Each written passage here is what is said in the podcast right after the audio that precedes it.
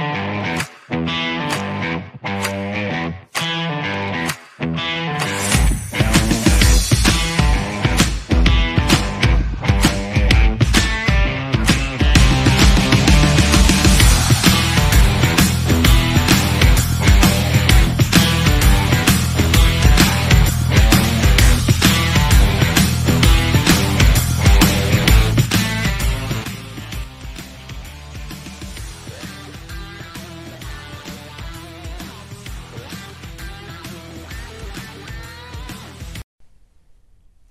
أحبائي المستمعين أسعد الله أوقاتكم بكل خير وسعادة وأهلا ومرحبا بكم في حلقة جديدة ومتجددة من بودكاست ركن الحلبة.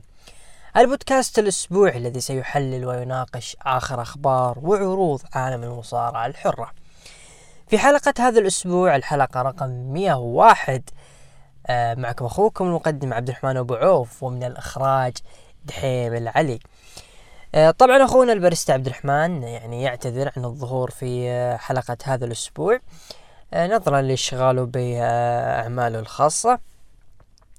لذلك أنا إن شاء الله راح أستلم قيادة بودكاست هذا الأسبوع. أتمنى إن شاء الله أنه أوفق في تقديم بودكاست جميل ورايق بإذن الله سبحانه وتعالى.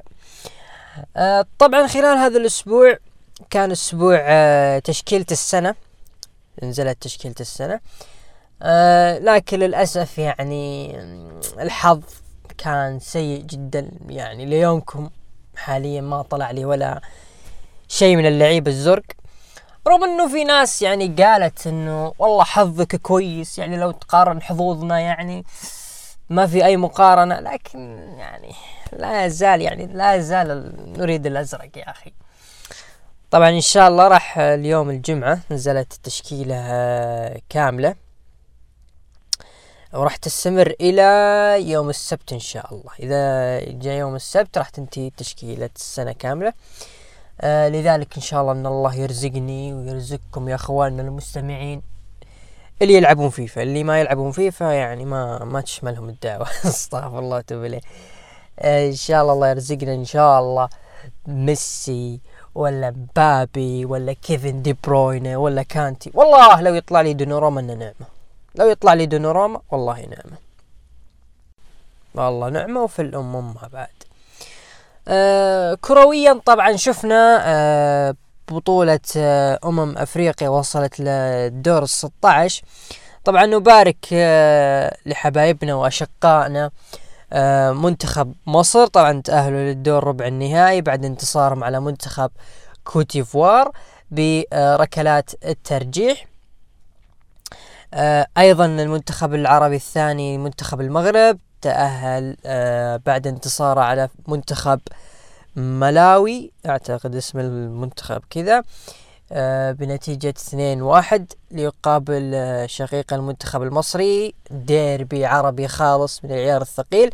لذلك إن شاء الله راح يكون في طرف عربي في دور النصف النهائي شيء جميل جدا. آه، أيضا المنتخب العربي الآخر منتخب تونس تأهل إلى دور ربع النهائي بعد انتصاره على فريق منتخب نيجيريا واحد صفر. آه وراح يقابل إن شاء الله في الدور القادم منتخب بوركينا فاسو اللي تأهل على حساب الجابون. آه والله المنتخبات العربية الصراحة يعني آه، تأهلت إلى وصلت إلى أدوار نهائية بعد تخطيها لمنتخبات قوية صراحة. تتكلم عن كوتيفوار ساحل العاج نيجيريا صراحة إنجاز كبير للكرة العربية.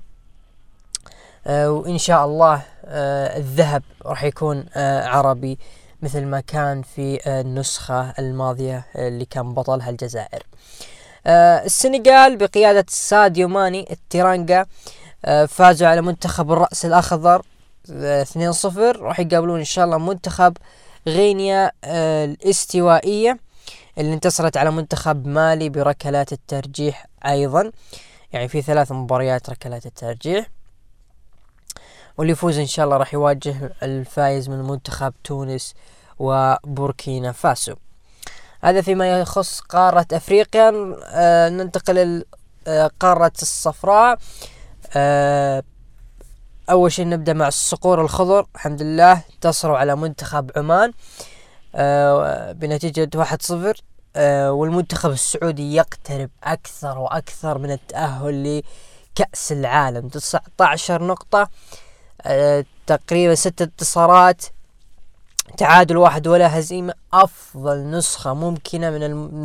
ممكن نشوفها المنتخب السعودي في تصفيات كأس العالم. بقاله فقط المباراة القادمة يفوز على منتخب اليابان.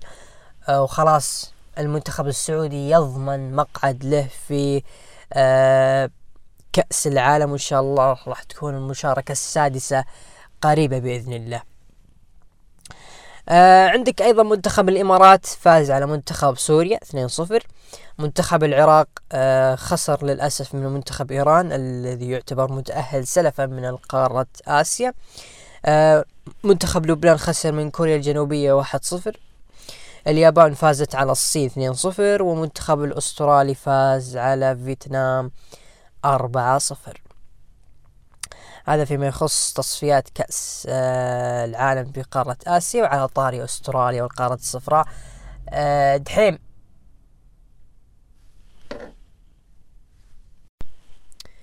يعني أنت عارف أستراليا وكرة الصفراء. معلش نمر على بطولة أستراليا للتنس؟ إذا ما عندك مانع. ما في جوكوفيتش. طيب. يعني دحين العلي محب لجوكوفيتش. لكن بقولها يعني. المتدور إن شاء الله رافيل نادال راح يروض بطولة أستراليا. طبعا رافيل نادال تأهل للنهائي. صراحة والله ما توقعت إنه بيتأهل ابدا. بعد انتصاره على آه بريتيني. ثلاث مجموعات لمجموعة واحدة.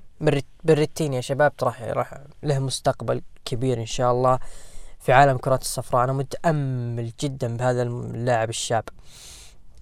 راح يواجه إن شاء الله آه اللاعب الثاني اللي هو دانيال ميدفيديف بعد انتصاره على اليوناني تستبياس.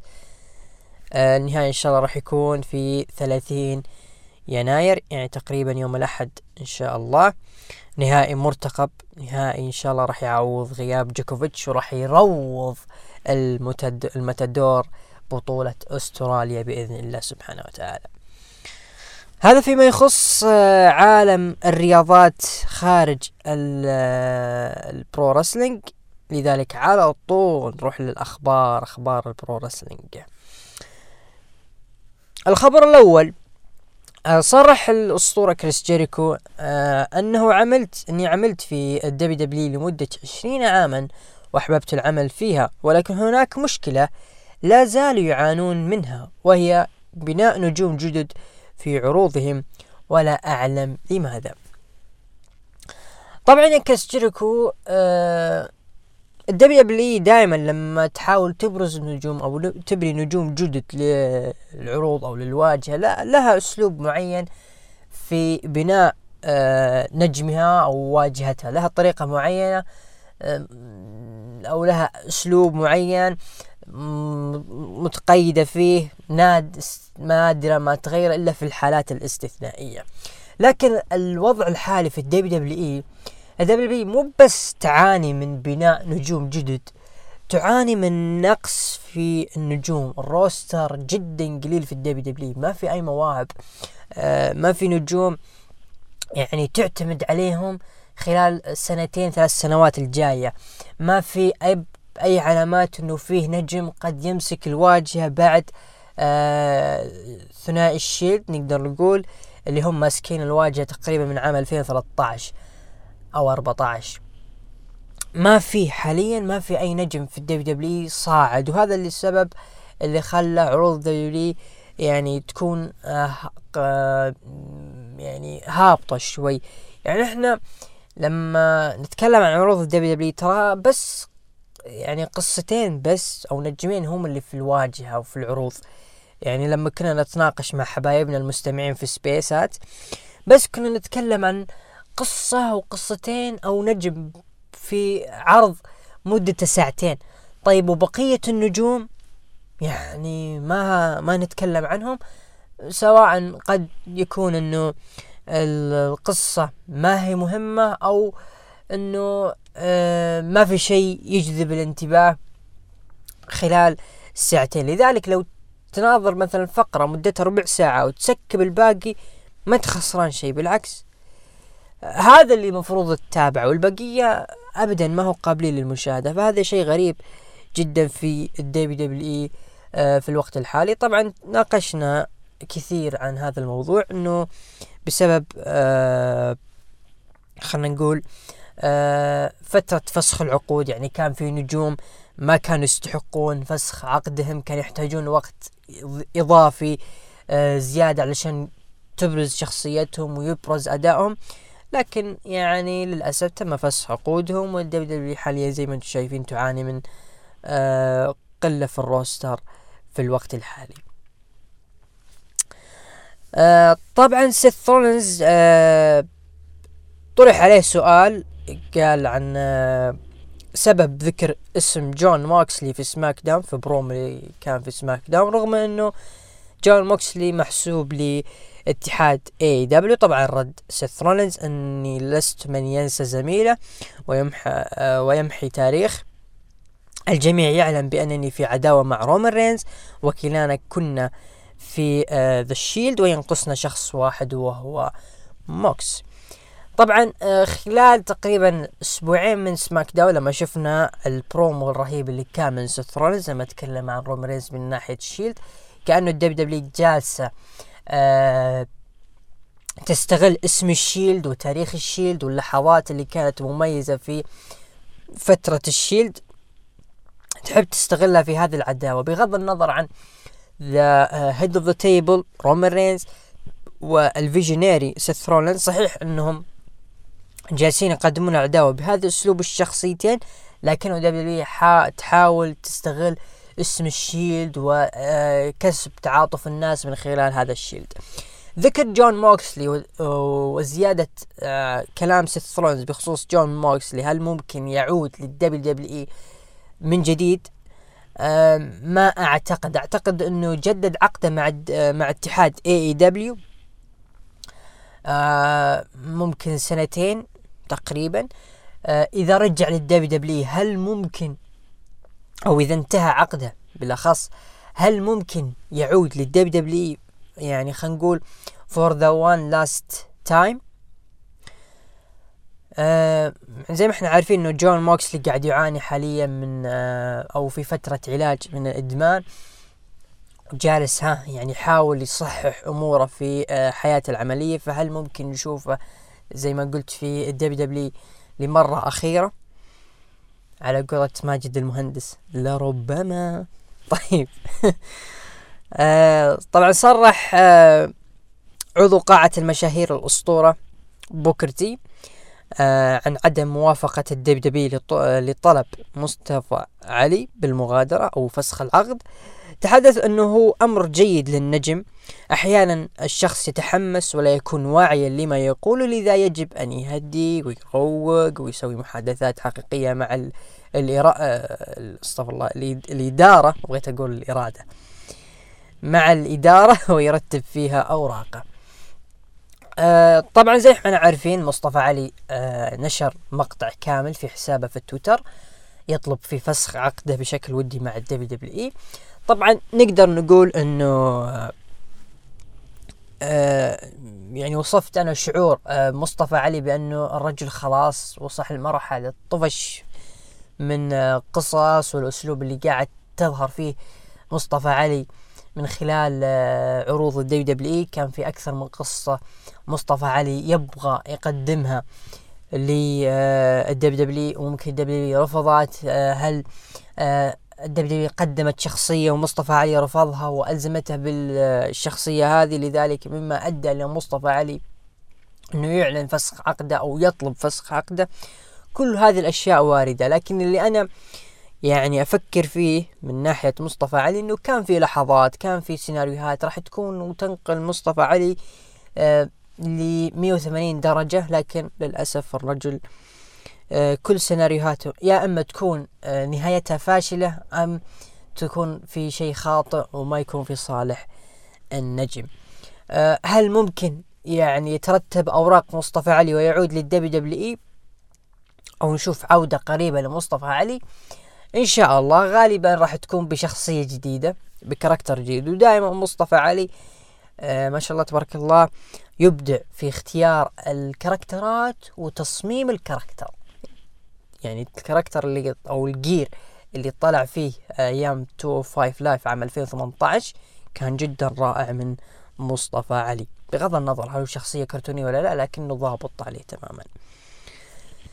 طبعا حدد آه حدث قاعة المشاهير ال Hall of Fame لعام 2022 وسيقام في تاريخ 1 أبريل آه في آه عام 2022 طبعا غالبا أكيد راح يكون آه دائما حفل ال Hall of Fame يسبق مهرجان WrestleMania WrestleMania راح يقام يوم السبت. طبعا اللي صادف يوم الأحد عندنا 2 أبريل و3 أبريل. وقاعة المشاهير راح يكون يوم 1 أبريل مما يعني أنه عرض آه NXT اللي هو TakeOver Stand and Deliver راح يكون يوم قد يكون يوم 33 مارس خلنا نتأكد تقريبا. آه 31 31 مارس قد يكون عرض Stand and Deliver Hall of Fame 1 أبريل و WrestleMania 2 و3 من نفس الشهر.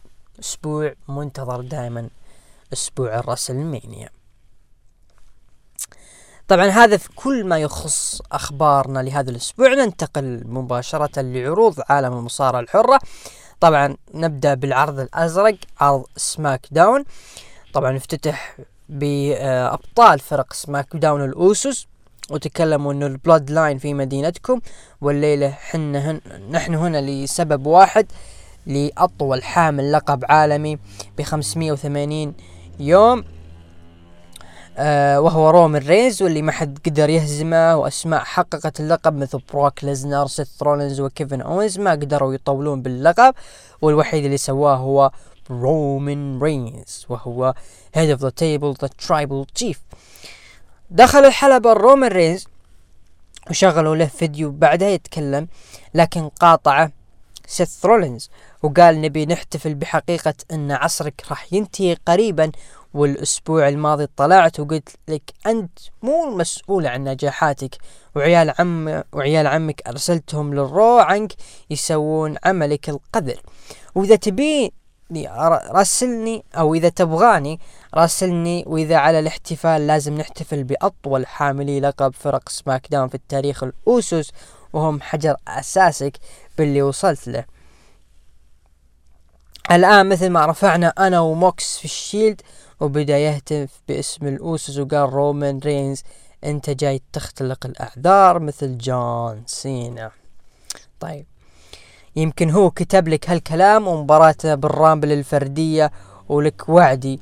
وقال سيث رولينز أوكي ما اصدقك أبيك تظهر تظهر أفعالك بدور لي زميل اقابل عيال عمك الاوسوس وإذا فزت عليهم يمنعون من التواجد بجانب الحلبة. معك في مباراة بال Royal Rumble ورومان رينز بدأ يفكر لكن جاي قال التحدي انقبل لكن اسمع أنت مجنون وما في أحد صاحي يبي يكون معك وقال سيث صحيح ما حد يبيني لكن دقت موسيقى كيفن أونز ودخل وقال أنا أحب أحبك. ورد رومان رينز قال إذا تبي كذا يا سيث خلنا نرفع التحدي الأقوى إذا خسرت الليلة راح تخسر راح تخسر فرصتك ضدي بال Royal Rumble. ووافق سيث رولينز. آه طبعا هذا ما يعتبر اللي هو go home SmackDown السبت القادم راح يكون هو ال go home آه دائما يعني هذه العداوة صراحة هي وصلت ل level أعلى لممكن ما يقدمه رومان رينز وسيث رولينز ال Visionary. ورومان رينز ال Head of the Table العداوة هي بالنسبة لي على طرفين. الطرف الأول اختبار حقيقي لرومان رينز بعد آه انفصاله عن بول هيمن رغم بقاء الأوسوس. الأوسوس قاعدين يلعبون دورهم يعني ما هم يقتبسون رومر آه دور بول هيمن. هذا ال Head of the Table الأفضل the one and only لا هم كانوا قاعدين آه، يرسمون شكلهم أو طبيعتهم لما كان موجود بول هيمن. فما في فرق ابدا فيما يخص الأوسوس مع رومان رينز.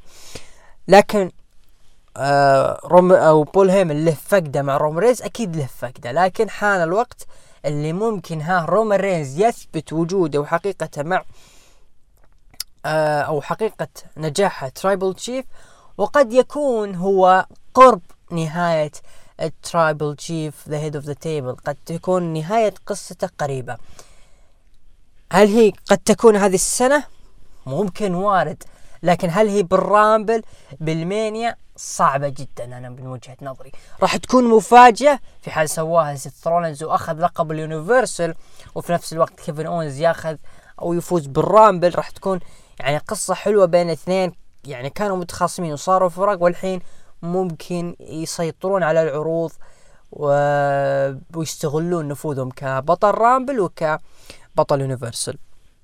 هذه أشياء كلها واردة في ال Royal Rumble لكن اللي أنا أشوفه انه رومان رينز راح يكمل لين ال Mania وراح يوحد اللقبين وراح يكون توحيد ال roster. لازلت أقول ال roster راح يتوحد في عرض Raw أو عرض ال Raw اللي بعد WrestleMania كعداوة سيث رولينز لا يزال ينشر إبداعاته في عرض SmackDown. الصراحة بيني وبينكم أنقذ سيث رولينز SmackDown من شيء قد لا يحدث لا ما لا يحدث عقبه. يعني لا في درو ماكنتاير ولا في بول هيمن.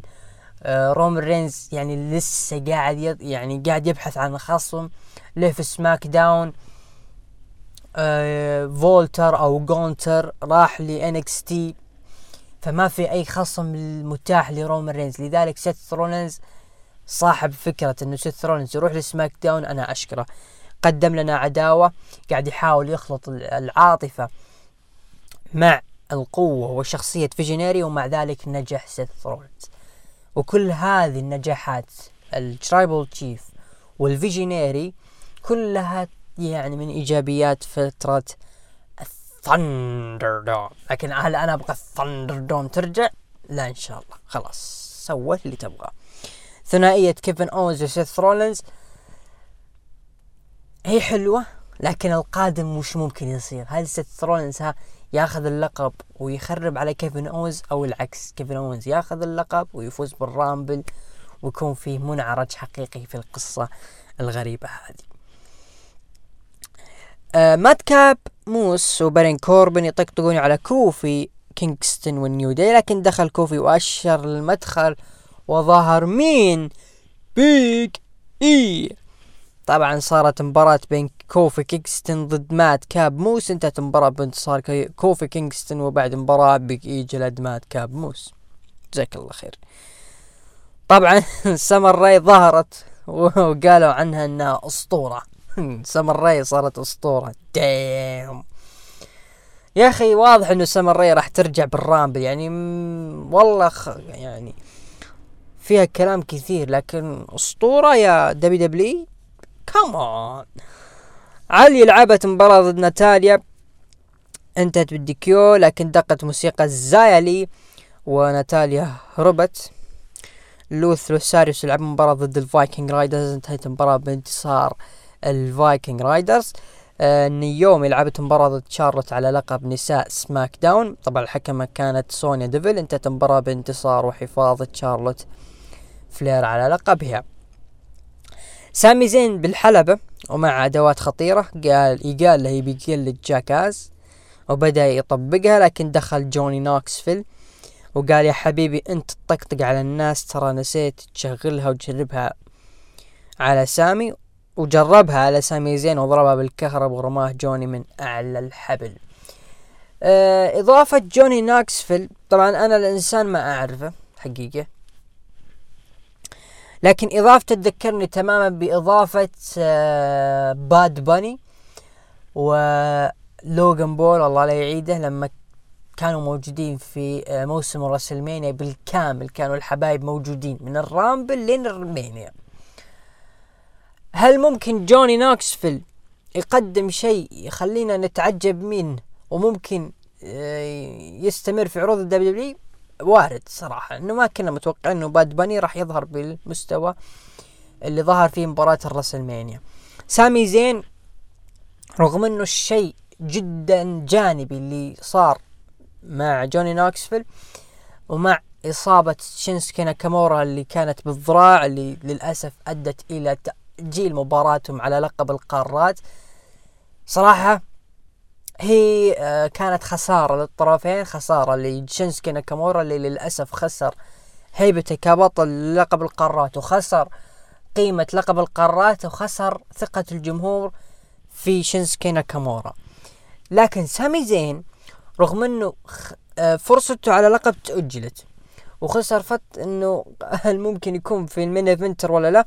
ومع ذلك جالس يقدم أشياء جميلة أشياء يعني يستمتع الواحد لما يشوف سامي زين.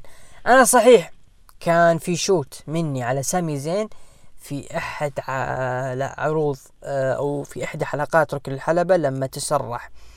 آه، أذكر أذكرها تماما. لما تسرح كارين كروس وكيث لي وعدد من المواهب كان أكبر تصريح يعني اتحاد كان بكامله هذاك الخبر أو مواهب نقدر نقول. كنت أقول سامي زين إلى متى راح يستمر بشخصيتي اللي يضحك واللي هامه شيء.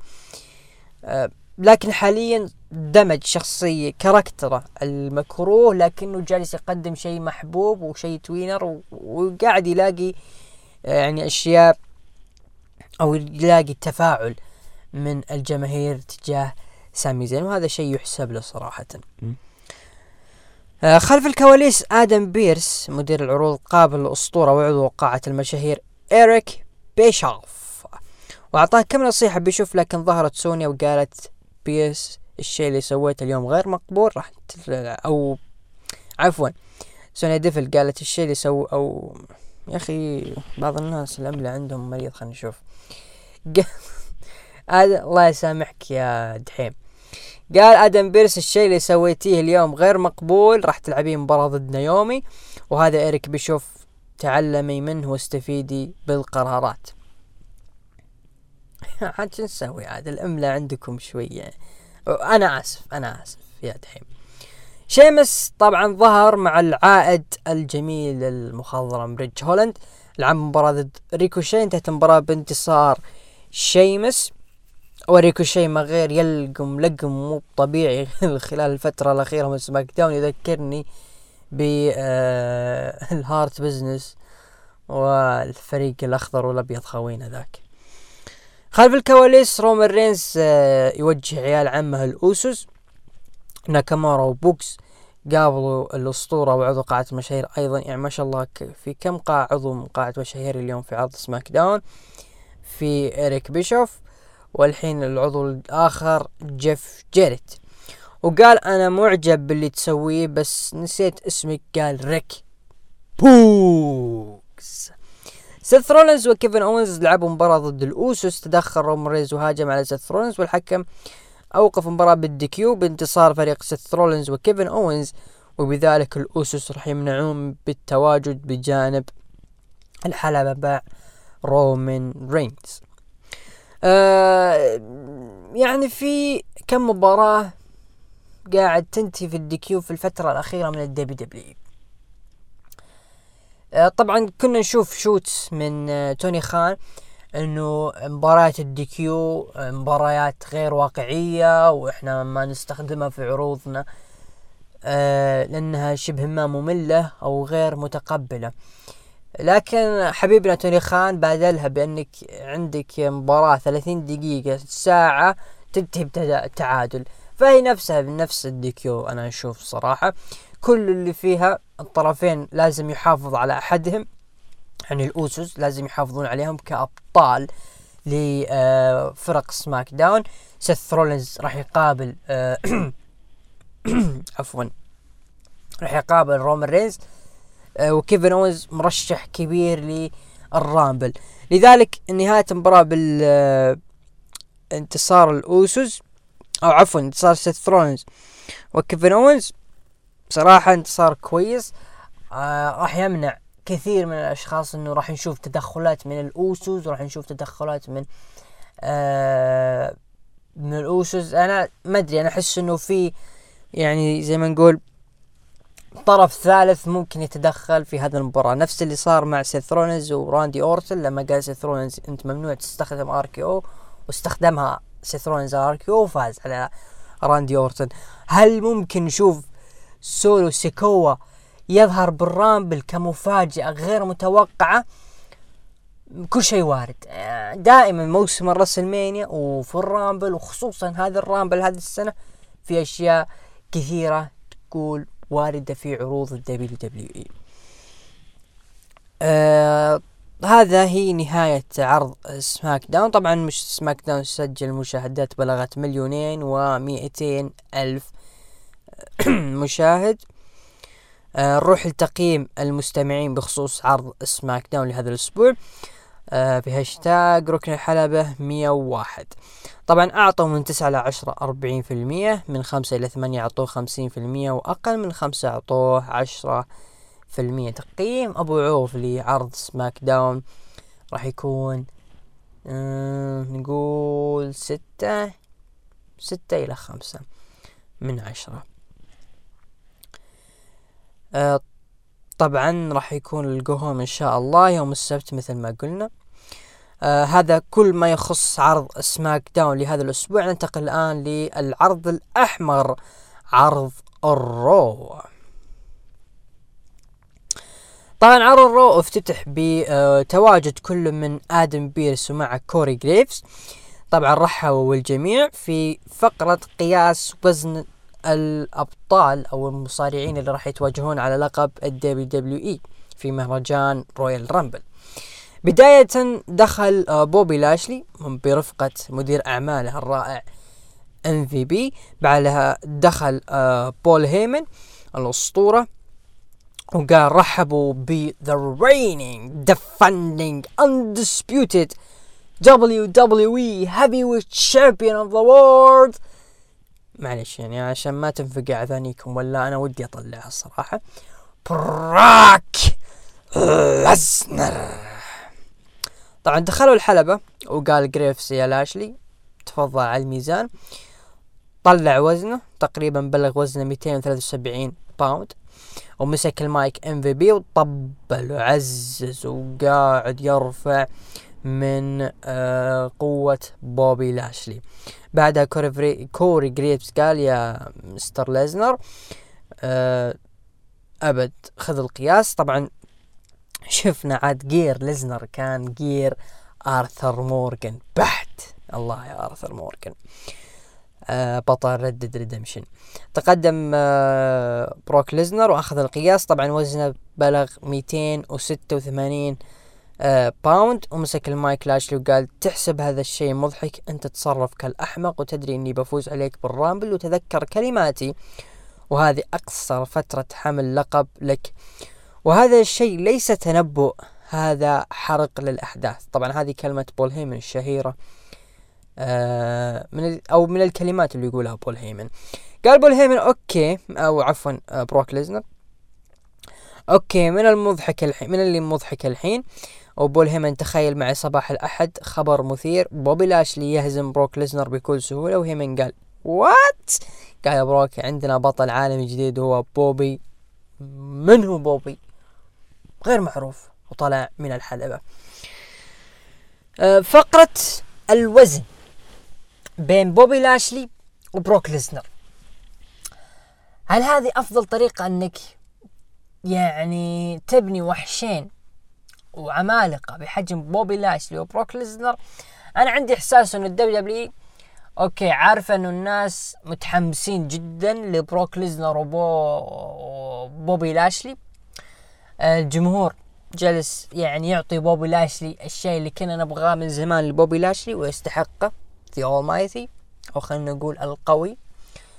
بوبي لاشلي الوحش بروك ليزنر غني عن التعريف لكن هذه العداوة وهذه المباراة في صالح بوبي لاشلي بوبي لاشلي يتمناها. لكن لماذا العداوة ظهرت بهذا الشكل؟ أحدى عداوات الأحلام طلعت بشكل يعني زي ما نقول آه هذا ال WWE حابة تحمس الناس بطريقة إنه مو شرط تشوفون شوتات shot مو شوتات. شوتات shot اللي هو تسديدة shots اللي هو هجوم.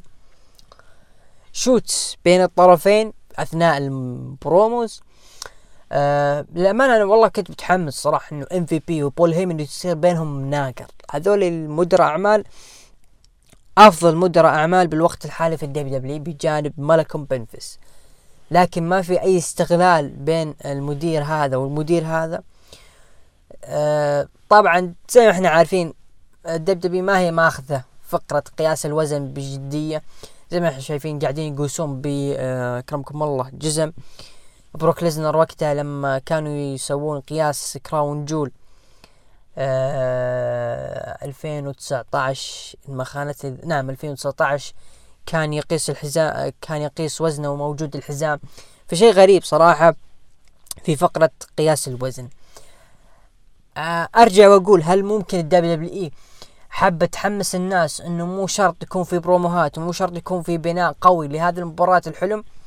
هذا أعتقد اللي قاعد يصير ويفكرون فيه ال WWE لكن على الأقل ورنا شيء يحمس. يعني هذول أسماء ثقيلة أسماء مهمة أسماء كبيرة. هذول يعني لو تعطيهم مساحتهم في المايك راح يبدعون وي... وينفجرون القاعة زي ما صار مع سموا جو. لكن هل بروك ليزنر نفسه أصلا بروك ليزنر ما هو مقتنع؟ بوبي لاشلي وما هو شايفه خصم ما هو شايفه يعني زي ما نقول المصارع اللي يطمح بروك ليزنر إنه يعطيه من وقته مثل ما صار مع درو ماكنتاير أنا أعتقد ذلك. لذلك بروك ليزنر جالس يعني يظهر بشكل المضحك والشخص اللي غير مبالي بالنهاية راح أنتصر عليك. يعني كل هذا الوقت مجرد مضيعة وقت لي أنا كبروك ليزنر. غالبا هذا هو فكر بروك ليزنر وتعامل ال WWE مع هذه العداوة. هل إحنا متحمسين؟ أنا متحمس. ليش؟ لأن مباراة حلم. لما تحط طرفين في مباراة أو طرفين حلم في مباراة بغض النظر عن البناء وكل شيء مو شرط يكون في بروموهات مو شرط يكون في جلد مو بشرط يكون في تبليع مايكات. آه قوة الاسمين وقوة المباراة لما تصير إن شاء الله. يعني أنا بالنسبة لي قوة الاسمين وكونها مباراة حلم هذا يكفي تماما وما يحتاج فلسفة في البناء. عشان ما تضيع. بيني وبينكم. بيانكا بيلر لعبت مباراة ضد كوين زيلينا انتهت المباراة بانتصار بيانكا بيلر. كيفن اونز خلف الكواليس قابل أو قابله المذيع وقال أول فوز على داميان بريست بفترة حمل لقبه. قال صحيح لكن المذيع بدأ بتزييف الإصابة. قال أونز وش قلت؟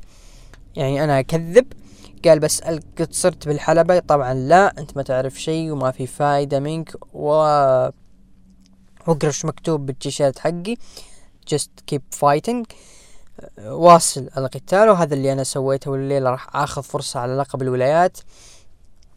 راح وش بسوي؟ أقرأ التيشيرت لهنت just keep fighting. مباراة. لقب ولايات بين دامين بريست ضد كيفن اونز على لقب الولايات المتحدة. انتهت المباراة بانتصار أو عفوا انتهت المباراة بال DQ بسبب آه، ديمين بريست كان يضرب كيفن اونز بطرق غير نظامية مما أدى إلى نهاية المباراة وخروج داميان بريست معصب. أيضا مباراة DQ آه، أو ثاني مباراة لداميان بريست على لقب United آه، State تنتهي بال DQ. هل ما في أفكار لل WWE تجاه ديمين بريست أو إنه ديمين بريست هذه هو آه شكل الشخصية اللي حابين يطلع فيها ديمين بريست. شخص غير متحكم بنفسه غير متحكم ب آه أو مصير البطل اللي يواجهه أو خصم اللي يواجهه عفوا كون إنه كبطل للولايات. آه ممكن ممكن يكون في شرط مستقبلا ال WWE جالسة آه، زي ما نقول آه، أحد قوانين في ال WWE جالسة تبغى تسحبه آه، بشكل بسيط إنه في حال البطل كان انتهى المباراة بال DQ كان السبب هو البطل يحق لي المنافس إن يكون بطل جديد للقب اللي جالسين يلعبون فيه. هل هذا هو فكر ال WWE من ناحية دامين بريست علشان يتحكم في آه شخصيته وفي عصبيته. صراحة جدا وارد. أنا يوم جيت أفكر فيها الحين وأنا أتكلم ممكن ال WWE تكون فكرتها إنه المباريات اللي تنتهي بال DQ بسبب آه خلينا نقول تدخل من أطراف البطل. أو البطل زي ما نشوف ديمين بريست قاعد يسوي حركات غير نظامية أدت إلى نهاية المباراة بال DQ فاللقب راح يخسر. أه جدا وارد إنه هذا القانون راح يطبق في ال WWE. زي ما إحنا عارفين أه المباريات الثلاثية صارت أه رغم إنها مباراة ثلاثية يحق للمصارعين لاستخدام الأسلحة لكن صارت كذا مباراة ثلاثية ما تم استخدام الأسلحة وأيضا المصارعين ما كانوا يتقابلون خلف آه، أو خلينا نقول برا الحلبة. فهذا غلي قاس. ممكن قانون سوته ال WWE جديد إنه المباريات الثلاثية ما يكون فيها استخدام الاسلحه فليش لا؟ مستقبلا المباريات اللي تنتهي بال DQ لما يكون على اللقب يحق للخصم إن يكون بطل جديد لأحد ألقاب ال WWE. ريا ريبلي ودينا بروك لعبوا وليف مورجن لعبوا مباراة ضد كارميلا ونيكي اش وتامين انتهت المباراة بانتصار فريق ريا ريبلي ودينا بروك وليف مورجن آه بعد المباراة نيكي آش هاجمت ريا ريبلي وطلعت دخل فريق الفا أكاديمي في مسابقة تهجي الكلمات والفائز من المسابقة بيختار التحدي القادم بالأسبوع المقبل دخلوا الآر كي برو وصار في تحدي كلمات. لكن تشاد جيبل عصب وقال إنكم أعطيتوا راندي كلمات سهلة أو كلمة سهلة وراندي جلده وقال الليلة أبيك في مباراة وبجلدك ب آر كي أو. انت آه صارت مباراة بينهم. راندي أورتن ضد تشاد جيبل. انتهت المباراة بانتصار راندي أورتن. لا اخفيكم هذه ممكن قد تكون أفضل مباراة لأورتن شفتها من فترة طويلة الصراحة. تشاد جيبل يا ناس تشاد جيبل الآن كنز حقيقي وجوهرة في عروض الدبليو دبليو الصراحة. ما ودي أبالغ لكن تشاد جيبل يعني ما له إلا تقريبا أسبوعين أو ثلاثة أسابيع وأنا امدح في الآدمي صراحة. لا برومو ولا اداء على الحلبة وال selling اللي قدمه لما آه نفذ عليه راندي أورتن الآر كي برو راح يكون سي آه selling للتاريخ وراح يذكرونه أجيال مستقبلا. تشاد جيبل أصبح الآن في أعلى مستوى آه وصل له. يعني رغم إنه كان في أمريكان الفا من افضل المؤدين على الحلبة الآن في الفا أكاديمي أفضل على المايك وأعطي يعني فرصته على المايك والآن شوفوا top تماما من الأشياء اللي يخلينا نمسك أعصابنا لما نشوف اوتيس حامل لقب وهو تشاد جيبل وجود تشاد جيبل بجانب أو خلينا نقول وجود اوتيس بجانب تشاد جيبل. تشاد جيبل هو اللي أكثر نفعا وأكثر يعني متعة من اوتيس التعيس ذا. لذلك لما نشوف تشاد جيبل قاعد ياخذ فرصته وقاعد ينافس راندي أورتن على المايك وينافس أيضا ريدل والحين يدخل معهم في مباريات وجالس أيضا يقدم مستوى غير طبيعي ودوه على ال United States. على طول يا United States أو آه انتر كونتيننتال لغو القارات. والله ال mid-carder يحتاج مثل هذا. هذا خلاص top top. لا أداء على الحلبة ولا على ال mic و character. إيش تبغى أكثر من كذا يا كتاب الدبليو صحصحوا صحصحوا لا يروح علينا تشاد جيبل مثل ما راح غيره. تكفون أه تحية لراندي ومحبي راندي. يعني اللي بدأوا ها يقولون إنه راندي أورتن راح يفوز بالرامبل. والله يعني الشائعات اللي قاعد تصير للرامبل صراحة غريبة. يا شائعة تقول إنه شيلتون بنجمن راح يفوز وراح يقلب على الهارت بزنس واللي يقول الحين راندي راندي أوكي نحترمه اسطورة لكن شيلتون بنجمن نترك كيفن أونز وفين بالر نروح شيلتون بنجمن الله يسر بس لنشوف فير يظهر بالرقم 30 ويفوز. آه دبلي دبلي الله يستر بس. أنا اعذروني بس. والله مشكلة يا دحيب. ولا أوستن ثيري. بنجي أوستن ثيري بعد شوي. طبعا الكسا بليس تستمر بالعلاج أو فقرة العلاج النفسي. أوستن ثيري مع فينس مكمان وشكرا انه بيعطيه فرصة على فرصة ضد اي جي ستايلز وأنه متحمس للرامبل بيفوز فيها. قال فينس اسمع لا تنسى تاخذ صورة سيلفي كويسة. طبعا صارت مباراة بين اي جي ستايلز ضد أوستن ثيري. انتهت المباراة بانتصار ل اي جي ستايلز نكرر إنه راح يكون ال future هو أوستن ثيري. ودخوله مع اي جي ستايلز في مباراة مع فينس مكمان هذه أقسم بالله ما صارت لحد لذلك لابد يستغلها أوستن ثيري. عشان بس يعني دام إنه عبد الرحمن مو موجود. صار في نقاش شوي حاد بيني وبين عبد الرحمن بخصوص أوستن ثيري وفين بالر. علشان توضح الفكرة والصورة أنا ابدا مو ضد أوستن ثيري. كثر ما أنا ضد تعامل الدبليو دبليو مع فين بالر. فين بالر الآن أصبح شبه ما منسي تماما كأنه غير موجود أو حتى نجم ثانوي. متى ما احتجنا مصارعين أو متى ما احتجنا شخص يحرك ال roster ويسوي ويسوي إنعاش للعروض دقينا على فين بالر تعال احضر. غير كذا ما نقدر نقدم لك شيء لا demon ولا prince ولا حتى prince ولا حتى فين بالر نفسه. أه فقط هذا لو كنت أبغى اوصل لكن أوستن ثيري هو ال future دائما وابدا. بيكي لينش بطلة نساء رو تتقابل مع دودروب بلقاء وقالت بيكي لينش أنت وأمثالك تتمنون مواجهتي وأنا أعطيكم فرص وما في أحد مثلي وأنا الشخص سخي وأعطيتك فرص يا دودروب وردت دودروب أنت اخترتي لي لأنك تدورين على خصم سهل لكن الشيء الوحيد السهل إني بكسر أضلاعك وأصير وصار محارش بينهن وجلد خلف الكواليس.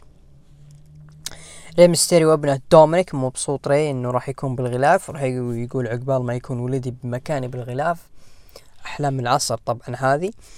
آه Street Profits ضد ال Mysterios انتهت المباراة بانتصار فريق ال Mysterios حاول دومينيك يقصي والده لكن ري أقصاه وبعد المباراة مونتز فورد أقصى ري وبعد الدوكنز أقصى مونتز و Dirty Dawgs أقصى الدوكنز لكن دخلوا ال Mysterios. آه و Profits الحلبة وأقصوا Dirty Dawgs وكل شخص يعطي نظرة للآخر. طبعا عبد الرحمن آه آه اقترح الأسبوع الماضي إنه قد تكون في مباراة elimination tag في آه عرض Elimination Chamber اللي راح يكون إن شاء الله في جدة. بمناسبة وجود منصور طبيعي المنصور إذا كان موجود يعرف إنه في عرض سعودي جاي. غير كذا ما لمنصور أي فائدة آه قد قد يكون في مباراة فرق tag لعرض Raw مباراة فرق tag ل SmackDown أو حتى يكون فيه دمج للفرق. كل شيء وارد. أنا بالنسبة لي كل شيء وارد. لكن لو نلاحظ Street Profits وال Mysterios صار في أكثر من اقصاء يعني علشان يروجون لل Rumble. بعدها دخلوا ال Dirty Dawgs وال Profits ثم دخلوا ال Mysterios في لخبطة في مو لخبطة كثر ما هي آه، دوامة ودائرة قاعد تصير. يعني لا أحد يشوف الحركة اللي قاعد أسويها أنا يعني ال Profits أقصوا ال Mysterios ال Mysterios صار بينهم إقصاء واللي بعده جاء ال Profits وأقصوا بعض وجو ال Dirty Dawgs و error بيجيك في مخك. طبعا شفنا حفلة عيد ميلاد ماريس. يعني تكفى يا دحيم تكفى skip. والله ما ودي أتكلم في هذه. skip. طيب قال طيب راح نتكلم عنها وما راح نحللها ابدا. أنا طفشت. ماريس و The Miz وايج وبث فينيكس. والله طفشت.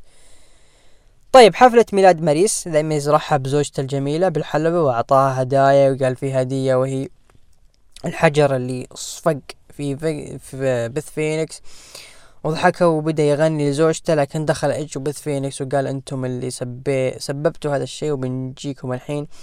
ونجلدكم هذا الشيء مو من صالحكم وجلدوا رجال الأمن وهرب ماريس و The Miz طبعا هذه نهاية عرض ال Raw لهذا الأسبوع. طبعا شاهد عرض ال Raw مليون وسبعمية ألف مشاهد. أكرر إنه في عروض الرئيسية سواء Raw ولا SmackDown نجم نجمين فقط اللي عليهم الكلام والبقية ساعتين وثلاث ساعات كلها مضيعة وقت. لكن هل في مكاسب من عرض ال Raw؟ أكيد. أكبر مكسب صراحة تشاد جيبل. أنا بالنسبة لي أكبر مكسب في الدبليو دبليو إي في عرض رو خاصة تشاد جيبل. فريق Alpha Academy ابدا ما هو مكسب. ابدا ما هو مكسب. آه زي ما قلت إنه قد يكون في آه تغيير القوانين W مستقبلا عرض مباريات اللي تنتهي بال DQ وتكون على لقب خلاص. البطل يخسر لقب علشان يعني يكون في آه حماس لمباريات اللي تكون على ألقاب الدب دبليو آه هذا نهاية عرض الرو نروح لتقييم المستمعين. طبعا أعطوا من تسعة لعشرة سبعة وأربعين في المية ما شاء الله. من خمسة إلى ثمانية أعطوه ثلاثة وثلاثين في المية وأقل من خمسة أعطوه عشرين في المية. النسبة الأعلى هي التسعة لعشرة يعني واضح إنه في رأي المتابعين إنه عرض ال Raw تطور. آه أبو عوف يقول إنه عرض ال Raw هذا الأسبوع يعطيه آه أربعة ونص إلى خمسة من عشرة.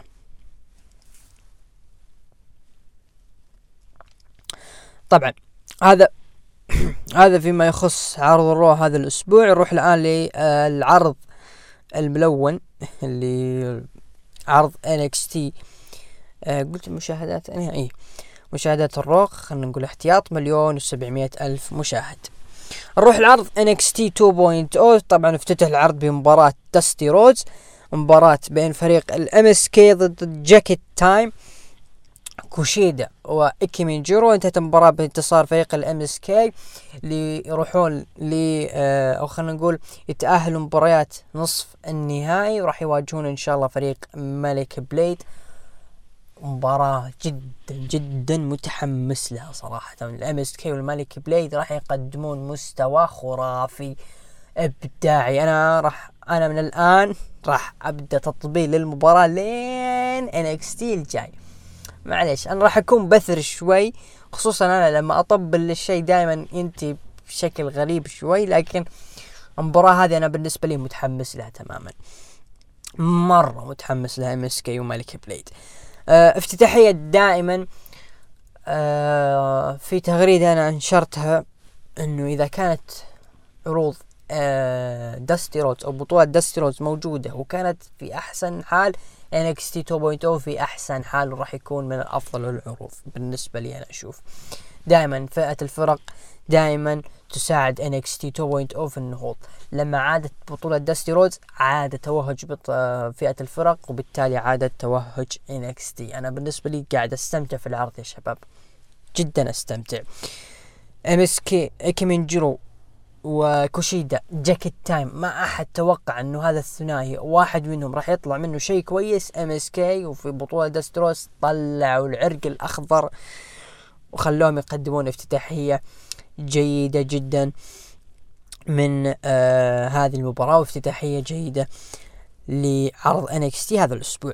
خلف الكواليس شفنا عودة فريق آه سابق آه زوي ستارك وإيوشوراي. كانت زوي ستارك تحاول يعني زي ما نقول أه توطى العلاقات بينها وبين ايو شراي بخصوص آه، إنه راح يكون متواجدين في داستي روز ولازم نتعاون علشان نحقق البطولة.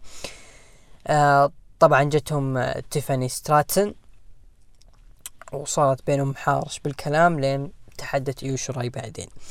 دخل الروعة سانتوس إسكوبار وتكلم عن برون بريكر وإنه جاي من عائلة مختصة بال business لكنها ضعيفة لأنه في لأن الواحد اللي يذكر عائلته ما هو إلا شخص ضعيف.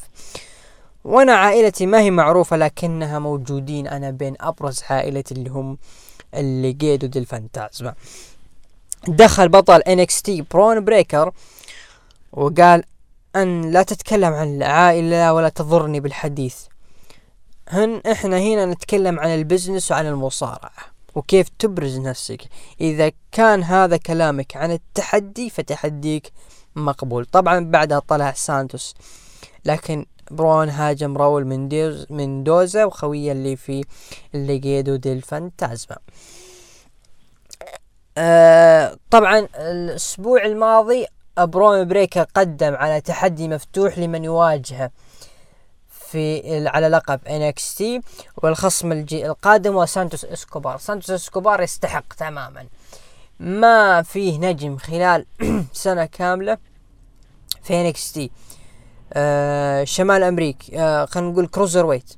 آخر افضل آخر بطل لل cruiserweight أبدع في NXT بعدين شمال أمريكا ولو إنها دقيقتين وبعدها جاء كارميلو هايز والآن لقب NXT أفضل شخص وأفضل مصارع يعوض خسائر NXT في آدم كول وكايل اورايلي. وبيت دان أنا أنا عارف إنه في جونتر وفي وولتر لكن هذا خلوه على جنب.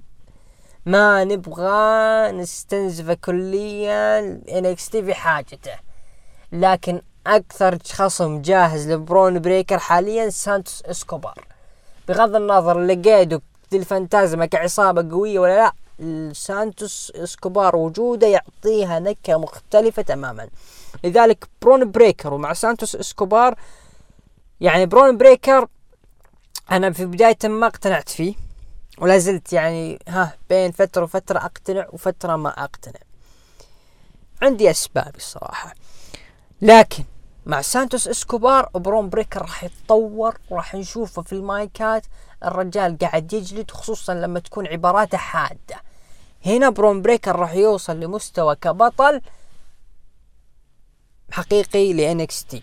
لذلك أنسب خيار هو وجود سانتوس إسكوبار وراح يعوض خسائر ال main eventers اللي صاروا في NXT. جونتر أو وولتر لسه بدري لسه بدري. أنا أشوف. طبعا شفنا مباراة no disqualification بدون قوانين بين سولو سيكوا ضد آه بوا. انتهت المباراة بفوز سولو سيكوا. طبعا شفنا سولو سيكوا آه راسم على أحد جوانب وجهه. رسمة آه مثل آه المصارع الراحل اوماجا إيدي فاتو. سولو سيكوا راح نشوفك في الرامبل. أنا صراحة في بالي سولو سيكوا ممكن نشوفه في الرامبل لكن ما راح ينضم لي آه البلود لاين أنا أتوقع توقع الشخصي. آه بعدها شفنا مباراة بين دوك هدسون ضد jobber فاز فيها دوك هدسون دخل عليه آه، ذاك المصارع ناسي اسمه صراحة.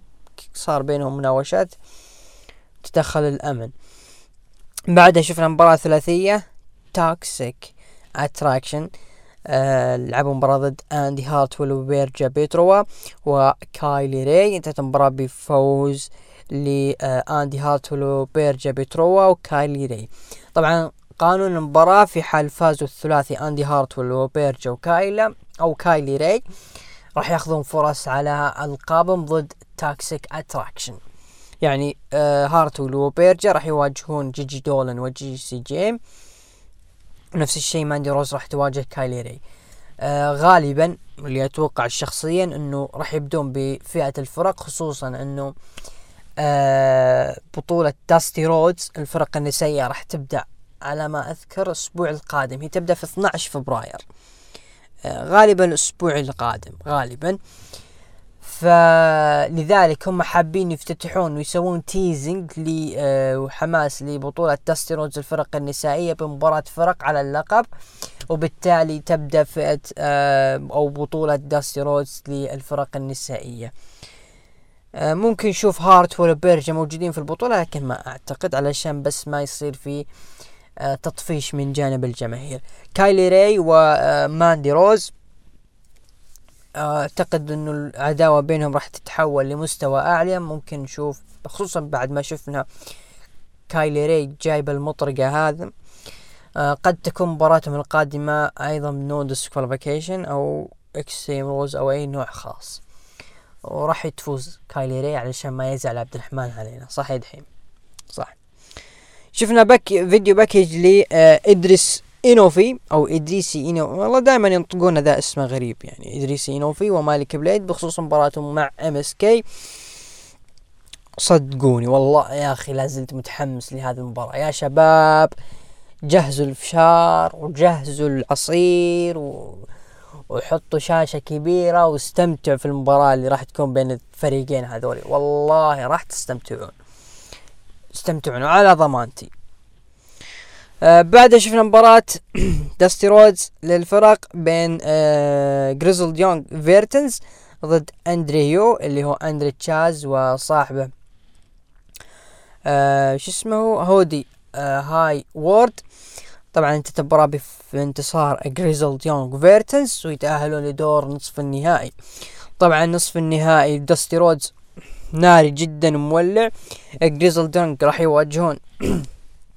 كريد براذرز ومالك بليد وإدريس إنوفي راح يواجهون ال MSK.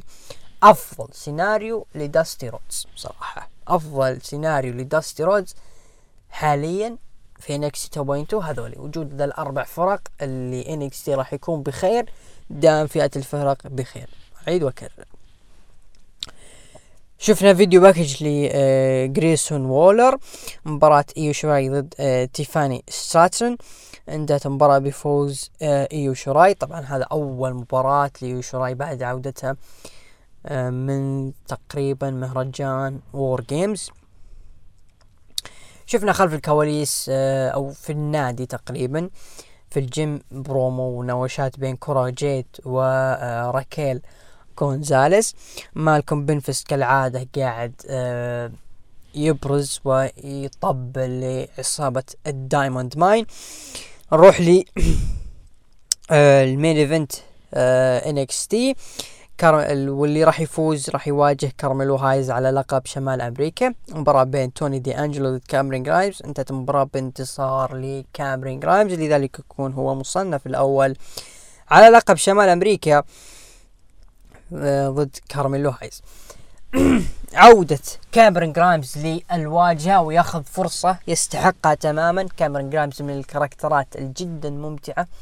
أمتعنا صراحة مع آه اللي صراحة فاقدة في عرض هذا الأسبوع LA Knight لكن بوجود غريب نفس تقريبا character LA Knight آه اللي هو توني دي انجلو المباراة جدا طولت شوي وكانوا الاثنين قاعدين يحاربون صراحة بعض علشان ياخذون هذه الفرصة وياخذون ال show الجميل في شمال أمريكا. توني دي أنجلو أعتقد هذه أول خسارة له مع NXT 2.0 ما هي خ... ما هو خسران ذيك الخسارة الكبيرة لأنه الحقيقة كاميرون جرامز يستحق وأكثر جاهزية بكثير من توني دي أنجلو. توني دي أنجلو okay. ك mic وك character وقاعد يعني تواصل بينه وبين الجماهير في الفترات ك video package مبدع تماما.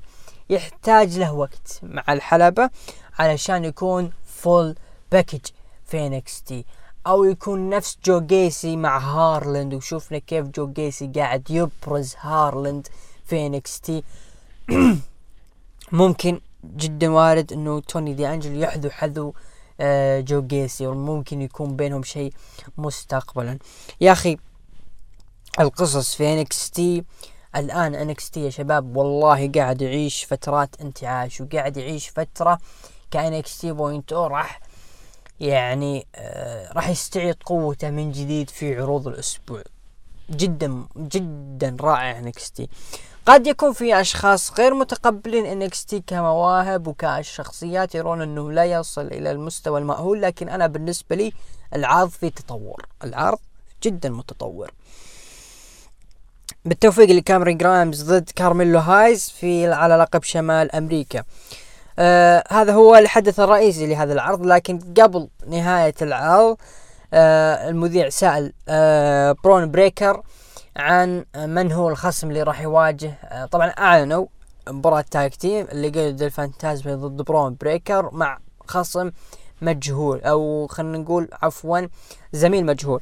سأل المذيع من هو زميلك يا برون بريكر برون بريكر ما جاوب ليش؟ لأنه آه، جو بيهاجمونه سانتوس إسكوبار و آه ليقادو ديل فانتازما لكنهم شافوا الشخص وشافوا الزميل اللي راح يوقف مع برون بريكر وكان مفاجأة صراحة. مين يا شباب؟ إنه توماسو تشامبا. نعم توماسو تشامبا عاد ل NXT واضح إنه عودة ل one night only آه راح يكون هو زي ما نقول وداعية رسمية لتوماسو تشامبا. قبل ما ينتقل للعروض الرئيسية. ثنائية مع برون بريكر. برون بريكر والله يحتاج توماسو تشامبا. يحتاج مثل سانتوس إسكوبار علشان يبرز نفسه ويظهر بشكل قوي. آه هو قد يكون في ناس يعني يعتقدون إنه هو في شكل قوي وفي فورمة وفي كل شيء تمام لكنه في شيء ناقصة. أنا أنا أشوف برون بريكر في شيء ناقصة. في مو شيء أشياء ناقصة. لكن لو جينا كنظرة إيجابية في شيء ناقصة. لذلك دخول توماسو تشامبا في ناس يقولون كيف خصمه قبل أسبوعين وبعد أسبوعين بيصير partner عادي جدا. أنت في عصر ال WW في عصر 2022 تطور شوية أخي. لذلك زي ما قلت برون بريكر يحتاج مثل هذه الأشياء البسيطة علشان يبرز نفسه كبطل ل NXT 2.0 وهو واجهة الجيل الجديد ل NXT ما هو خسران شيء. ابدا ما هو خسران شيء. وراح يبدع. برون بريكر مع توماسو تشامبا كأحلى ختامية لمسيرة توماسو تشامبا في العرض اللي استمتعنا كثير مع توماسو تشامبا ومع عرض NXT بشكل كبير جدا. آه هذه نهاية آه عرض NXT لهذا الأسبوع. نروح لتقييم المستمعين لعرض NXT وها شوف التقييم يا شباب. من تسعة لعشرة أعطوه اثنين وأربعين في المية. ومن خمسة إلى ثمانية أعطوه ثلاثة وثلاثين في المية. وأقل من خمسة أعطوه خمسة وعشرين في المية. شفتوا قديش العرض فيه تطور؟ صحيح أنه جارة جارة هناك. عذره خذ من تسعة لعشرة يعني النسبة الأكبر. لكن أنا بالنسبة لي العرض اللي استمتعت فيه حقيقة وفي لي أنا نظرات إيجابية كثير هو عرض NXT صراحة عرض NXT أنا جدا متفائل فيه أنه راح يعود من جديد. خصوصا إذا إذا مسكوا هذا المسار خصوصا أنه قصصهم جدا مر آه، مرتبة أه بس يحتاجون النجوم زيادة ثقة في الجماهير زيادة ثقة فيما بعض. وراح ينجحون صراحة عرض NXT صدقون راح ينجحون. في video package بس ما تطرقت له اللي هو صار بين ال Imperium جالسين يعني يرسلون رسائلهم بطرقهم الخاصة الفخمة الرايقة حقية ال high high. جميلين جميلين ال Imperium وجميل عرض NXT أبو عوف يقول لنا دحيم العلي يا أخي بطل فلسفة. طيب. تقييم أبو عوف لعرض NXT لهذا الأسبوع سبعة من عشرة. آه هذا فيما يخص عرض NXT لهذا الأسبوع. نروح الآن لعرض AEW Dynamite. آه اللي يقيم في أوكلا أو كليفلاند أوهايو عفوا مو أوكلاند. كليفلاند أوهايو مدينة ال Cavs مدينة الأسطورة لبرون جيمس. طبعا افتتح اللقاء على طول بدينا العرض يعني على طول ما في ألعاب نارية ولا شيء على طول مباراة لقب TNT سلالم بين بطلين سامي جيفارا ضد كودي رودز. انتهت المباراة بانتصار كبير ومباراة يعني جميلة جدا بين أو عفوا انتهت المباراة بانتصار لسامي جيفارا وبيكون ذلك هو بطل NX يا حول NXT تكفى فكنا يا أخوي خلاص. TNT لازم أروق. TNT champion سامي جيفارا يستاهل يستاهل سامي جيفارا هذا ال over الكبير. صحيح شفنا بعض من لحظات ال WWE مثل ال cutter اللي هي أصلا RKO شفنا شقلبت على طريقة مات هاردي آه جيف هاردي. هل هو ممكن teasing جيف هاردي يوقع مع AEW ولا لا؟ ما في شيء رسمي. لكن المشكلة في وش خلينا نكون واقعيين. AEW لما يحاولون يبرزون مباراة ويحاولون يكبرونها ويوضعون إنها هي ال top في ال top في العرض القادم ما أدري ليه يحطونها أول مباراة أول افتتاح للعرض. حرام عليك. هذه يعني أنت جالس تبني هذه المباراة في برومو كود اللي دخل أشياء كثيرة علشان مباراة سلالم وسامي جيفارا جالس يعني زي ما نقول يهدد كودي رودز بطريقته. طريقة سامي جيفارا ويعني عارفين سامي جيفارا أنتم كأشخاص وش نظرتكم هذا يعني؟ طيب. تحطها أول مباراة. عفوا. عفوا. أه تحطها في البداية العرض راح يموت. خطأ يا اي دبليو والله خطأ. يعني زي بعض الناس يعني أه سحب كان يتابع العرض live سحب شوي على أه عرض AEW كان يحسب إنه هذه المباراة راح تكون ال main event. ليتفاجأ إنه في نص المباراة قريب في نص المباراة وقريب تنتهي. استغرب. قال لي كيف يعني هذه المباراة الكبيرة المهمة؟ أهم مباراة في العرض هي تكون الافتتاح العرض بعده راح يموت. قلت وأنا أتفق معك صراحة. العرض بعدها للأمانة مات. ليه ما صحاش شوي اللي راح نجيه فقرتهم بعدين. لكن يعني هذا الخطأ شوي الغريب اللي قاعد يقعون فيه AEW نفس الشيء وقعوا فيه مع كيني أوميجا وبراين دانيلسون في عرض Grand Slam. نفس الشيء هانجمان بيج وبراين في أحد عروض داينامايت سواء كانت الاولى مباراتهم الأولى والثانية كلها كانت في الافتتاح ما كانت في آه ال main event. لازم إذا أنت بتركز مباراة كبيرة ومباراة مهمة لابد تكون main event. علشان تسحب جماهير كبيرة آه علشان يكون rating أعلى. هل هم حاطين في بالهم إنه لازم يجيب rating أعلى في البداية علشان ينقص خفيف خفيف يبدأ ينقص بشكل قليل؟ لين نهاية العرض أعتقد هذه هي خطة اي دبليو لازم نجيب أكبر كمية مشجعين وأكبر كمية مشاهدين في البداية علشان لما يبدأ يبرد العرض نبدأ نخسر. ألف ألفين ثلاثة عشرة خمسين أربعين ثلاثين لنهاية العرض يكون هو عندنا مليون يضمونه في آه، العرض. قد يكون هذا في خطة AEW لكن ما ودنا نطلع في هذا الموضوع. نرجع لمباراة لقب السلالم. مباراة كانت جدا رائعة الصراحة استمتعت فيها. آه، فوز سامي جيفارا. فوز يعني يستحق تماما يستحق هذا ال over يعني over ين صراحة لما أخذ اللقب TNT من آه، ميرو a.k.a روسف والحين من كودي رودز. يستاهل يستاهل سامي جيفارا. تصفيق. أصفق لك صراحة على هذه اللحظة المهمة في مسيرتك في اتحاد All Elite Wrestling نبارك سامي جيفارا ومحبين سامي جيفارا وأنا ترى من محبيه صراحة. آه شفنا باور هاوس هوبس يتحدى دانتي مارتن. آه ووردلو لعب مباراة سكواش ضد jobber آه شفنا مباراة ثلاثية.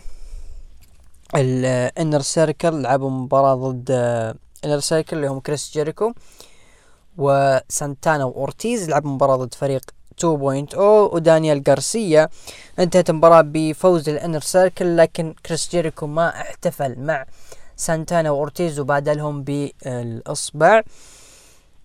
قد يكون هذه بداية تفكك ال Inner Circle وقد تكون هذه أيضا بداية نهاية مسيرة كريس جيريكو المؤقتة في AEW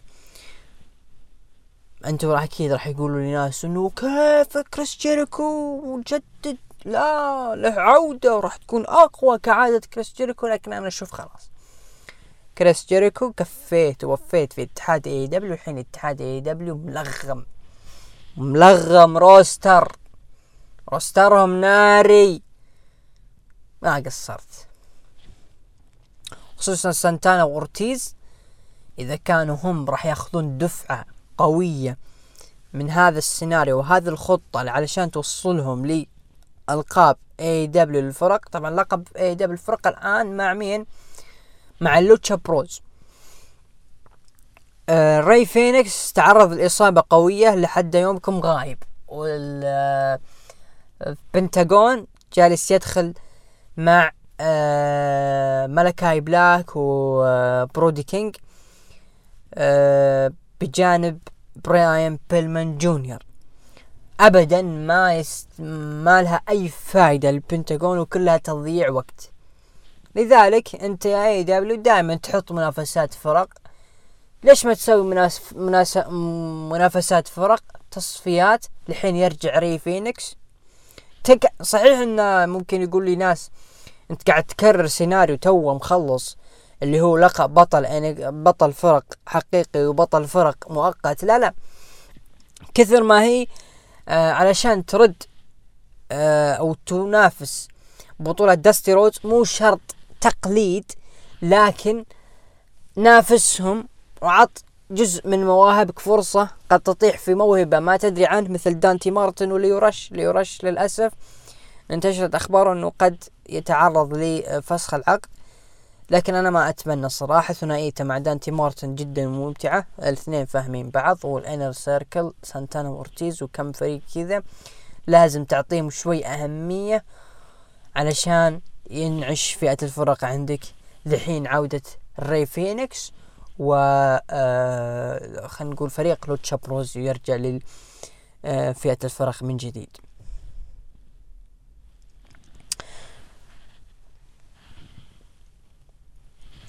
طيب. آه دخل the best in the world سي ام بانك وتكلم إنه يحاول إنه يكون قاسي الليلة لكن موجود في كليفلاند راح يخلونه يبتسم. يعلم إن الجميع آه يبغون مباراة ضد خصم. يعني أنتم عارفينه. اهتفوا باسم MJF وظل الجماهير طبعا يهتفون ل MJF وطبعا آه بانك كان فاتح جاكيت كان لابس جاكيت وفتحه طلع فيه آه اللي هو الشال حق MJF قال إنه هذا الشال ما يسوى ولا شيء رماه. لما رماه آه، دخل ام جي اف فلما دخل ام جي اف تكلم قال okay أنتو تبغون مباراة. أنا عارف إن أنت يا بانك تبي مباراة. وأنتو يا. الجماهير تبغون مباراة معينة في بالكم. تبغون هذه المباراة؟ لا. في كليفلاند؟ لا. لكن الأسبوع الجاي المباراة ممكن تكون الأسبوع الجاي. ليش؟ لأنها في شيكاغو. المباراة راح تكون لك يا سي ام بانك. وراح نسويها ونجلدك في مدينتك في شيكاغو. طبعا بانك يقول إنه MJF يعني أنت قاعد تست يعني تكلم في موضوع بودكاست وكذا قال أنت واضح إنك أحد معجبيني. آه كانت مغادرة أفضل شيء فعلته على الإطلاق والعودة الآن هي الأفضل تماما. لذلك يا MJF راح تخرج أو راح تكون كقوة كبيرة في القتال في المباراة سواء كنت في شيكاغو ولا في كليفلاند. أنت راح تم تدميرك تماما. MJF يقول طيب إذا كانت هذه صحيحة خلينا نجرب.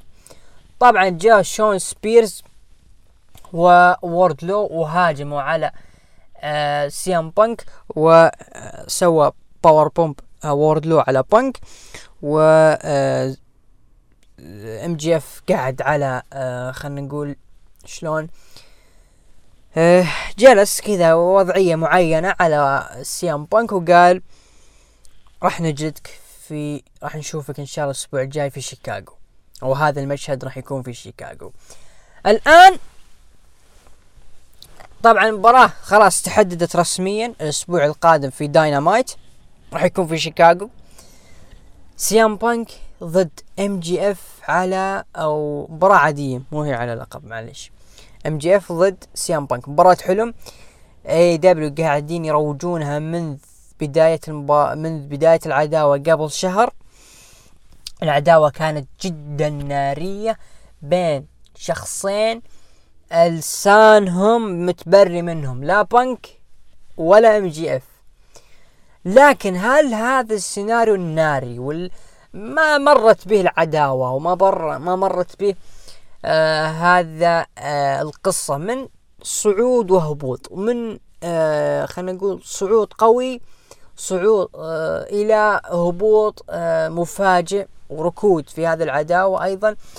هل هي مستحق أنها تحطها في عرض داينامايت؟ عادي ما هو داينامايت خاص مثل عرض هذا الأسبوع آه Beach Break أو Break Beach آه مشكلة ثانية ممكن نواجهها مع داينامايت إنها قد تكون هي المباراة الافتتاحية. آه ما ودي صراحة هذه مباراة main event وهذه مباراة أصلا مباراة عرض شهري ابدا ما هي عرض أسبوعي في داينامايت لا لا لا هذه مباراة شهري MJF وبانك في شيكاغو تحدي كبير ل اي دبليو طبعا اي دبليو قاعدين يحاولون ينظفون سي إم بانك من ال record. ولما جينا العام 2020 تصفر ال record من جديد. رجع كل شيء طبيعي. أعتقد إنه بانك هو لعب مباراة ضد شون سبيرز. أنا كنت بقول إنه بانك و و MJF ما لعبوا مباراة في عام 2022 وهذه هو أول مباراة لهم لكن تذكرت إنه بانك لعب ضد شون سبيرز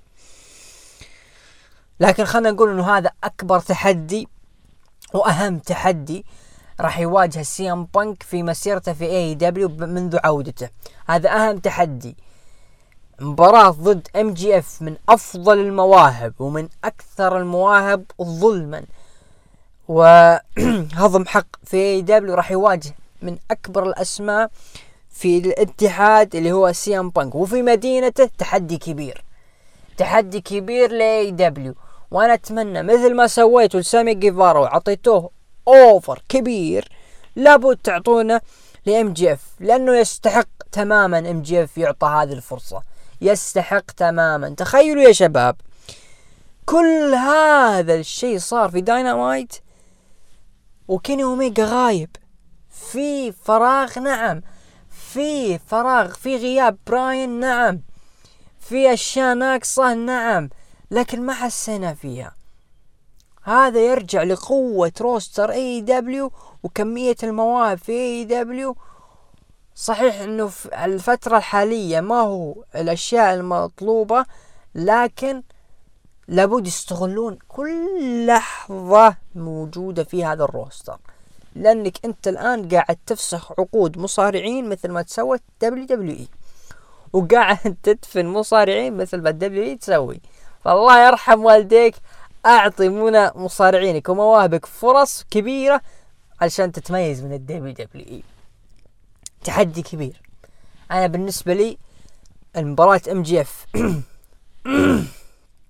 عفوا ضد سي إم بانك الأسبوع الجاي راح تكون على مباراة فارقة في عرض داينامايت أتمنى ما تكون الافتتاحية علشان ما تخرب بعد شفنا مباراة ريد فيلفيت ضد ليلى أو ليلى. هيرسش انتهت المباراة بانتصار ليلى هيرسش بعد المباراة شفنا توني شيفاني يقدم أفضل الاتحاد كتكريم لكن دخلت بطلة النساء بريت بيكر DMD وتكلمت إنها هي الرقم واحد. طبعا قبل كل هذه البنت قاعدة تقلد جون سينا جالسة تجيب المنديل هذا أو الورق وقاعد تلفه في الكاميرا. يا أخي ليش؟ فرق السماء عن الأرض. وش جاب الصين للطين؟ جون سينا لبريت بيكر. DMD المهم تكلمت انها الرقم واحد في النساء ولا أحد يستطيع يصل لمستواه وكل ذلك بدأ من قدم مكسورة. broken freakin' wrist تقليد لل WWE تقليد لكيرت انجل يعني ما شاء الله يا بريت بيكر بداية ظهورك جون سينا ونهايته كرت انجل لا حول ولا قوة إلا بالله. يا ويلي. إيش قاعد أقول أنا يا دحين طيب. الحدث الرئيسي هنا الغريب صراحة. أكثر غرابة. آدم كول لعب مباراة ضد أورنج كاسيدي. مباراة no disqualification أخرى. مباراة يعني كانت طويلة وكانت جيدة. بين أحد أكبر الأسماء اللي تحمست لما ظهر ال Elite وقلت هذا راح يكون فارق كبير ضد أحد النجوم اللي كانوا يسببوا ضجة في ال AEW اللي هو أورنج كاسدي انتهت المباراة بانتصار لأورنج كاسدي في ناس يعني قد تكون مع أو في ناس نسبة كبيرة ضد فوز أورنج كاسدي لكن أنا بالنسبة لي اورنج كاسدي ترى هو اللي كان معطي العداوة هذه وجه هو اللي كان معطي القصة وجه هو اللي جالس يحاول يبرز القصة بشكل كبير. ليش؟ لأنه القصة تنافس أو تنافس تناسب آه، مستوى آه، اورنج كاسدي مع ال character لكنها ما تناسب آدم كول. آدم كول في مستوى كبير مستوى عالي ما نجم واجهة نجم كبير. نجم يا ناس آدم كول في عام 2019 نجم لن يتكرر ابدا. تحطه أمام أورنج كاسدي ويخسر العداوة اللي أصلا أنا متأكد إنه هو مضطر عليها علشان بس لا يختفي. ومع ذلك خصمه اللي كان يخسر له كثير. كمباريات فراق مباريات فردية مباريات كثيرة و آدم كولي هدده دائما وراح أجلدك بالنهاية هو اللي جلده علشان اورنج كاسدي استغل العداوة لصالحه وقدم العداوة بطريقة خلت الجماهير تلتهف له بس مو علشان آدم كول ولا علشان علاقته الرسمية صارت مع بريت بيكر لا علشان أورنج كاسدي هو اللي معطي له عداوة وجه. شيء غريب. يعني تخيلوا يا شباب تخيلوا معي لو كان ال main event سامي جيفارا وكودي رودز بالله ما راح يكون العرض أفضل بكثير من إنه يكون العرض الرئيسي آدم كول وأورنج كاسدي تكفون يا AEW لا تكررون هذه الأخطاء مرة ثانية. تكفون آه هذه هو أو هذه هي نهاية عرض AEW أنا أشوف إنه من أفضل يعني قد لا يكون هو من أفضل العروض لكنه عرض جيد صراحة. آه عرض داينامايت تقييم المستمعين من عشرة من تسعة لعشرة أعطوه ثلاثة وأربعين في المية من خمسة لثمانية أعطوه خمسين في المية أقل من خمسة أعطوه سبعة في المية. تقييم أبو عوف لعرض داينامايت بريك بيتش أو بيتش بريك. معلش أنا والله ملخبط صراحة خل... خل... لازم أتأكد. أو هذه هذه ما تنفع صراحة بالنسبة لي. العرض آه بيتش بريك إيه. آه بصراحة أنا أعطيه علشان بس سامي جيفارا أعطيه ستة ونص عشان سامي جيفارا. ولا كان العرض يعني شوي لك عليه. نروح الآن لتقييم آه، المستمعين بخصوص عرض الأسبوع. طبعا سماك داون آه، في كثر تعادل صراحة في عرض الأسبوع. يعني سماك داون أخذ عشرة في المية عرض الرو أخذ أربعين في المية عرض NXT two point أخذ عشرة في المية وداينامايت أخذ أربعين في المية. في أرقام تنافس سماك داون مع NXT ورو مع داينامايت. طبعا الفايزين هم بالتشارك أو بالمشاركة رو وداينامايت. أبو عوف يقول إنه عرض الأسبوع أنا أشوف صراحة NXT. عرض الأسبوع أنا أشوف بصراحه عرض NXT لأنه العرض راح يتطور في تطور صراحة وأنا متلهف جدا لعرض NXT. هذا فيما يخص عروض آه هذا الأسبوع. ننتقل لاستعراض آه عرض أو استعراض card رويال رامبل. مهرجان رويال رامبل اللي راح إن شاء الله راح يقام فجر الأحد القادم. آه طبعا ما في مباريات يعني كبيرة هي كمباراة أقل الالقاب ومباراة Rumble. دائما أكيد مباراة ال Rumble راح يكون لها آه كلام كبير وراح يكون لها ترقب. مباراة ال Rumble الرجالية عندك مباراة ال Rumble النسائية. مباراة ال Rumble الرجالية أنا أتوقع كيفن أوينز وممكن نقول فين بالور كرقم اثنين. مباراة الفرق أو مباراة ال Rumble النسائية راح أتوقع أن راح تفوز فيها هي ليف مورجن